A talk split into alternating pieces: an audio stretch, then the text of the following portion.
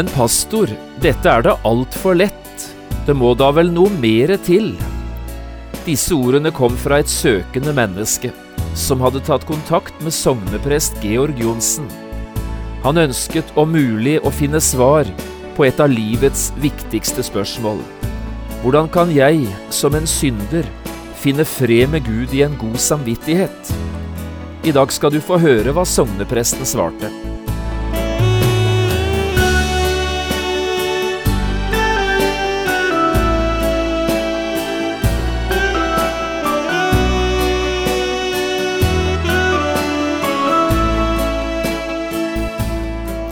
Hjertelig velkommen til et nytt program i serien Vindu mot livet. Programmet er produsert av Kristen Riksradio og blir ledet av Jon Hardang. Dette programmet er produsert med støtte fra Havila AS.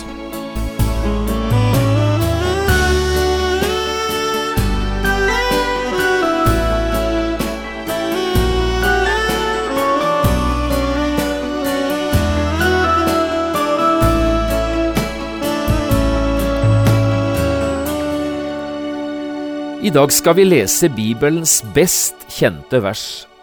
Jeg regner med du vet hvilket vers det er jeg nå tenker på. Jo, det er Johannes 3,16, eller Den lille bibel, som dette verset ofte blir kalt. Disse ordene ble første gang sagt av Jesus, i slutten av en nattlig samtale med en mann som het Nikodemus. Han var en av jødenes religiøse ledere, og i møte med nettopp disse ordene fikk den lærde jødiske mannen et helt nytt syn og et helt nytt liv. Han fikk en ganske ny forståelse både av hvem Gud var, og hva han har gjort til menneskenes frelse. Vi skal lese dette avsnittet sammen, hvor den lille Bibel er å finne. Vi leser fra Johannesevangeliet i kapittel 3, og vi leser versene 16 til 21. Jeg har kalt dagens program Bibelen i miniatyr. Jesus sa, For så har Gud elsket verden, at han gav sin sønn den enbårne, for at hver den som tror på ham, ikke skal fortapes, men ha evig liv. For Gud sendte ikke sin sønn til verden for å dømme verden, men for at verden skulle bli frelst ved ham. Den som tror på ham, blir ikke dømt. Den som ikke tror, er allerede dømt, fordi han ikke har trodd på Guds enbårne sønns navn. Og dette er dommen, at lyset er kommet til verden, og menneskene elsket mørket framfor lyset, for deres gjerninger var onde. For hver den som gjør det onde, hater lyset og kommer ikke til lyset, for at hans gjerninger ikke skal bli refset. Men den som gjør sannheten, kommer til lyset, for at hans gjerninger kan bli åpenbart. De er gjort i Gud.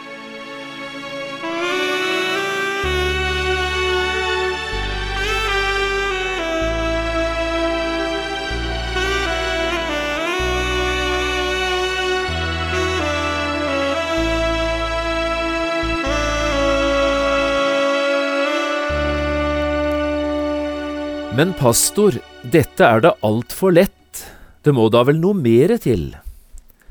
Disse ordene kom fra et søkende menneske som hadde tatt kontakt med sogneprest Georg Johnsen for om mulig å få svar på et av livets mange viktige spørsmål. Hvordan kan jeg finne fred med Gud i en god samvittighet? I boka si Veien, sannheten og livet forteller Georg Johnsen selv om hva som skjedde denne dagen. Han forteller det slik. Jeg hadde, så enkelt og forståelig jeg kunne, prøvd å forklare dette søkende mennesket, som så gjerne ville finne fram til troen, hva vi har å gjøre.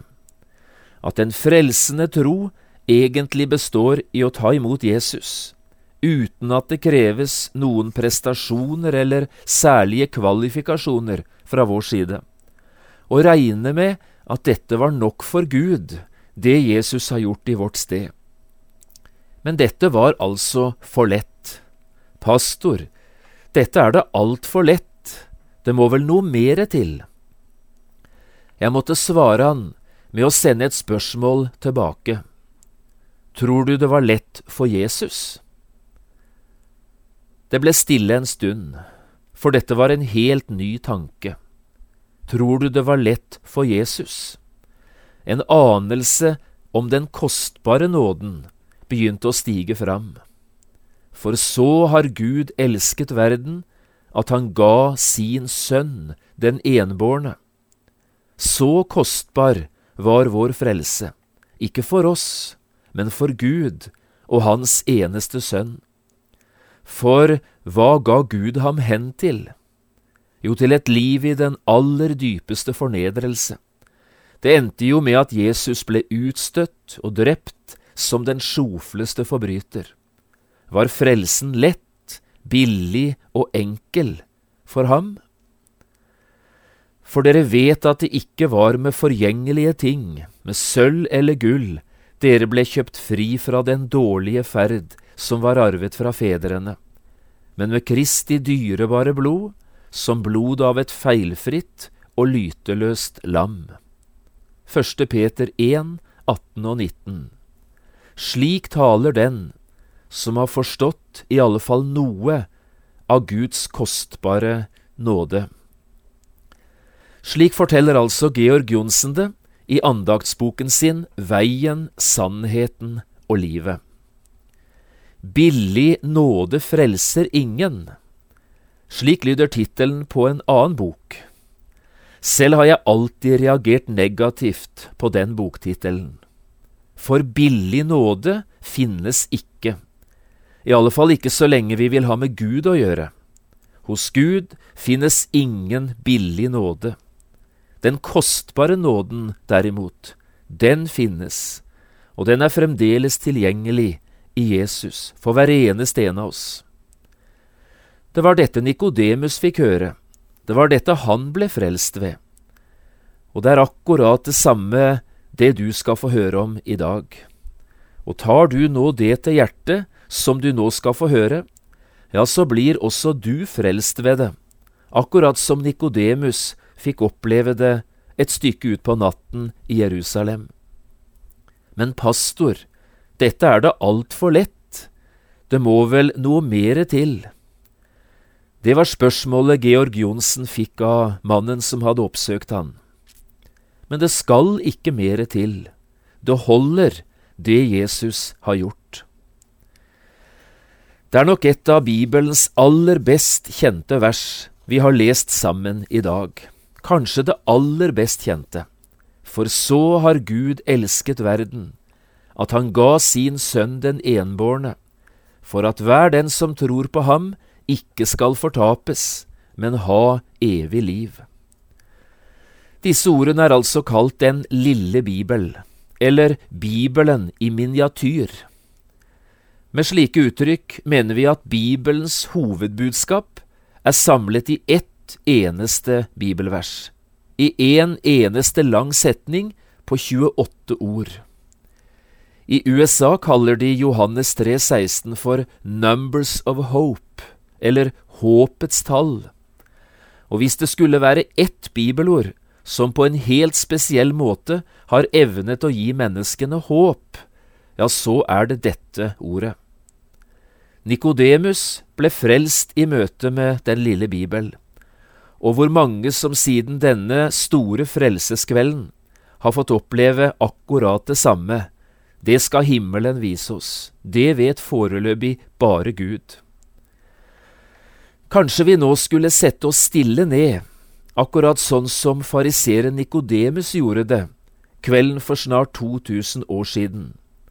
La oss sette oss ned sammen med han, og kanskje se om ikke også vi kunne få tak i det Jesus her snakker om. Det er kjærlighetens budskap Jesus formidler denne kvelden, og ikke hvilken som helst kjærlighet. Det er Guds kjærlighet vi nå får høre om, denne evige, rene og himmelske kjærlighet. Jeg trodde jeg visste hva kjærlighet var, jeg trodde jeg selv var god. Slik synger vi det i en flott kristen sang. Og det er eh, nok ikke bare sangforfatteren som har opplevd det på denne måten. Vi tror, både du og jeg, kanskje også at vi vet hva kjærlighet er, hva kjærlighet går ut på. Men så får vi oppleve, i møte med Guds kjærlighet, slik den er vist fram for oss i Jesus, at kjærlighet, ekte kjærlighet, handler om helt andre ting enn det vi selv hadde forestilt oss. Jeg trodde jeg visste hva kjærlighet var, jeg trodde jeg selv var god, inntil jeg fikk se en korsfestet mann, hvis vunder dryppet av blod. Jo, vi har nok behov for mye av dette, hver eneste en av oss som møter kjærlighetens budskap i dag, for eksempel gjennom det, den lille Bibel. Vi trenger å få justert våre forestillinger om hva kjærlighet er, og det som kan justere det, er nettopp ordene om Jesus, om korset, hva han gjorde for å frelse oss og gi oss livet. Jeg har lyst i dag å ta fram tre–fire ting omkring denne Guds evige kjærlighet, slik den er beskrevet for oss i avsnittet vi nå har foran. Det er altså Johannes som skriver disse ordene, kjærlighetens apostel, og jeg tenker, hvem skulle ha bedre forutsetninger for å formidle akkurat dette budskapet enn nettopp han. Johannes visste, i alle fall, hva det nå var snakk om. Det første jeg har lyst til å si, må være dette. Gud elsket verden. Det er jo nettopp slik den lille Bibel begynner. Så har Gud elsket verden. Når Johannes bruker dette ordet verden, både her i evangeliet sitt Utover i de tre brevene han har skrevet, og også i åpenbaringsboken, så er dette ordet verden et negativt ladet begrep for Johannes. Det betyr noe helt annet enn skaperverket eller menneskeheten sånn i sin alminnelighet. For Johannes betyr verden den gudfiendtlige verden, altså alle disse menneskene som står Gud imot, de som er Guds fiender de som, som er opposisjonelle i forholdet til Gud, sin skaper. Gud elsket verden, får vi her høre. Det betyr altså Gud elsker sine fiender like høyt som han elsker sine barn. Gud gjør ikke forskjell på folk. Vi mennesker kan være forskjellige på mange slags måter, men på dette punktet står alle mennesker på lik linje. Ingen av oss er plassert utenfor grensene av Guds kjærlighet. Alle er vi elsket, uansett hvem vi er, hvor vi er og hva vi har gjort. Denne siden ved Guds kjærlighet tok Jesus selv fram mange ganger og på mange måter. En gang sa Jesus, Om dere elsker dem som elsker dere, hva lønn har dere da? Og om dere bare hilser på deres brødre, hva stort gjør dere da? Og så fortsetter han, denne gangen i bergprekenen, elsk deres fiender, velsign dem som forbanner dere, gjør vel imot dem som hater dere, og be for dem som forfølger dere. Og det skal vi gjøre for at dere skal vise dere som barn av deres Far i himmelen. Dette er altså Guds måte å elske på. Dette var Jesu måte å leve på, og det er også slik vi skal prøve å tenke om hverandre som mennesker. Gud elsker ikke de elskverdige. Gud elsker verden, alle mennesker, på lik linje. Det andre jeg tenker på i møte med den lille Bibel, det er dette. Gud elsker på den måten at han gir. Han ofrer. Gud viser sin kjærlighet ikke ved å kreve, men bare ved å gi. Hør den første setningen i den lille Bibel en gang til. For så har Gud elsket verden, at han ga. Og hva ga Gud? Han ga sin sønn, den enbårne. Det eneste Gud hadde, det kjæreste han eide intet offer var for stort for kjærligheten. Så elsket Gud verden, at han gav. I de fleste bibeloversettelsene i dag møter vi det beskrevet på denne måten. For så høyt har Gud elsket verden. Ofte møter vi ordet så høyt. Men det er ikke det som står i Bibelens grunntekst. Det står så elsket Gud verden at han gå. Så, altså slik, således, på denne måten elsket Gud for å bruke noen lignende uttrykk. Det viktigste i den lille Bibel, i uttrykket Så har Gud elsket verden, er altså ikke størrelsen på eller styrken i Guds kjærlighet. Det handler om måten Gud elsket, og måten Gud elsker på. Jo visst er det sant, så høyt elsket Gud verden. Det skal ingen ta fra oss. Det står til og med rett ut i Bibelen at det er viktig at vi lærer å kjenne både høyden og dybden, lengden og bredden i Kristi kjærlighet, så det har vi virkelig bruk for. I andaktsboka I dag hjelper Herren skriver emissæren og frikirkepastor Ivar Klausen litt om akkurat dette. To ganger i andaktsboka gjør han det faktisk. Men i andakten for 10. september bruker han disse ordene, og her kommenterer han fire forskjellige salmestrofer i forbindelse med, med Guds kjærlighet. Han skriver følgende Bredden på Guds kjærlighet. Jesus vil ha alle, ikke én så ussel er, at deg Jesus har ham kjær. Dybden i Guds kjærlighet, så steg du i vår jammer ned så dypt som ingen vet. Høyden i Guds kjærlighet. Herre, til himmelen rekker din miskunn, din trofasthet når til skyene. Og lengden i Guds kjærlighet. Fra evighet til evighet er Herrens miskunn over dem som frykter ham. Men eh, det er like viktig å få tak i Gud elsker slik på den måten at han gir.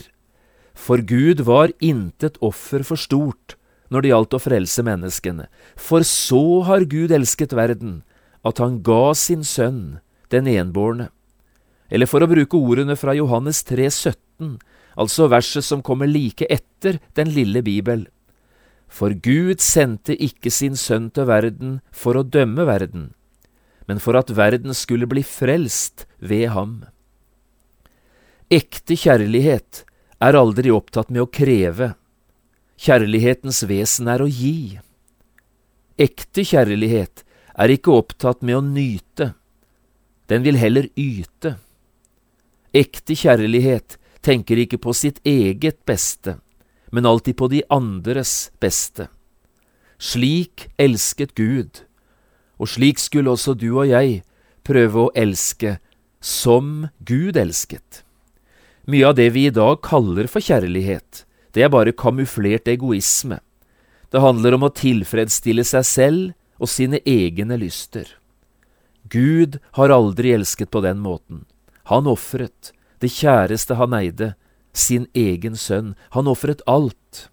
For en Gud, tenker jeg, og for en kjærlighet. Og så det tredje.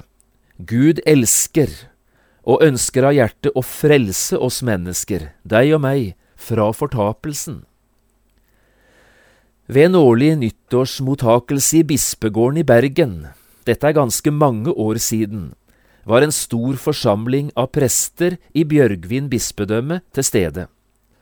I sin nyttårstale til prestene kom den kjente Bjørgvin-biskopen Ragnvald Indrebø også inn på dette med forkynnelsen et emne som alltid er aktuelt, både for forkynnere og for tilhørere. Her understreket biskopen et punkt som ikke må bli glemt. Han sa, i en tid som vår, med så mye angst og så stort behov for trygghet, må vi allikevel aldri glemme at de egentlige bibelske kategoriene ikke er angst eller trygghet, men frelse eller fortapelse. Hva mente den erfarne biskopen med dette? Skal vi ikke forsøke å hjelpe engstelige mennesker fram til trygghet, så langt dette er mulig? Selvfølgelig skal vi det. All den omsorg, all den støtte det er mulig å gi gjennom forkynnelsen, skal vi prøve å gi. Men hva mente han med uttrykket de egentlige bibelske kategoriene? Eller sagt med litt enklere ord, det det virkelig gjelder om i Skriften, er ikke om et menneske føler seg engstelig eller trygg. Det er om et menneske blir frelst, eller om han går fortapt. Slik talte biskopen, og det er det rystende hovedspørsmålet, både i Bibelen og i livet. Det er Georg Johnsen som også forteller denne vesle tildragelsen i den samme andaktsboken som jeg siterte fra i begynnelsen av programmet. Fortapelsen er altså ingen mulighet, den er en realitet. Å gå fortapt innebærer å bli kastet bort fra Guds ansikt for evig. Å gå fortapt er å være prisgitt Guds vrede og dom i all evighet. Fortapelse er å møte den evige ild ubeskyttet. Det må ikke skje med noen av oss. Og det var altså derfor Gud sendte sin egen sønn. Han skulle møte Guds vrede og dom i vårt sted. Han ble forlatt av Gud for at du og jeg skulle få slippe det. Eller for å si det med den lille Bibel, for at hver den som tror på ham, ikke skal fortapes, men ha evig liv. Det kan se ut som fortapelsen er avlyst i dag, både i kirker og menigheter og bedehus, men fortapelsen er aldri avlyst i Bibelen. Og så det fjerde og siste. Gud elsker, men tror du og jeg dette? Den lille Bibel avsluttes på denne måten, for at hver den som tror på ham, ikke skal fortapes, men ha evig liv. Det handler altså om å gripe Jesus gjennom budskapet om han, i tro. Budskapet om Guds kjærlighet kan forkastes. Det kaller Bibelen for vantro. Men budskapet om Guds kjærlighet kan også tas imot. Det kaller Bibelen for tro. Andre muligheter finnes ikke. Derfor er spørsmålet til deg og meg i dag hva er ditt og mitt forhold til ordet om Jesus? Hva er forholdet til Guds kjærlighet? Forkaster vi det i vantro, eller tar vi imot det i tro? Dette er hva du og jeg skal gjøre. Ta vår tilflukt til Jesus og bli frelst.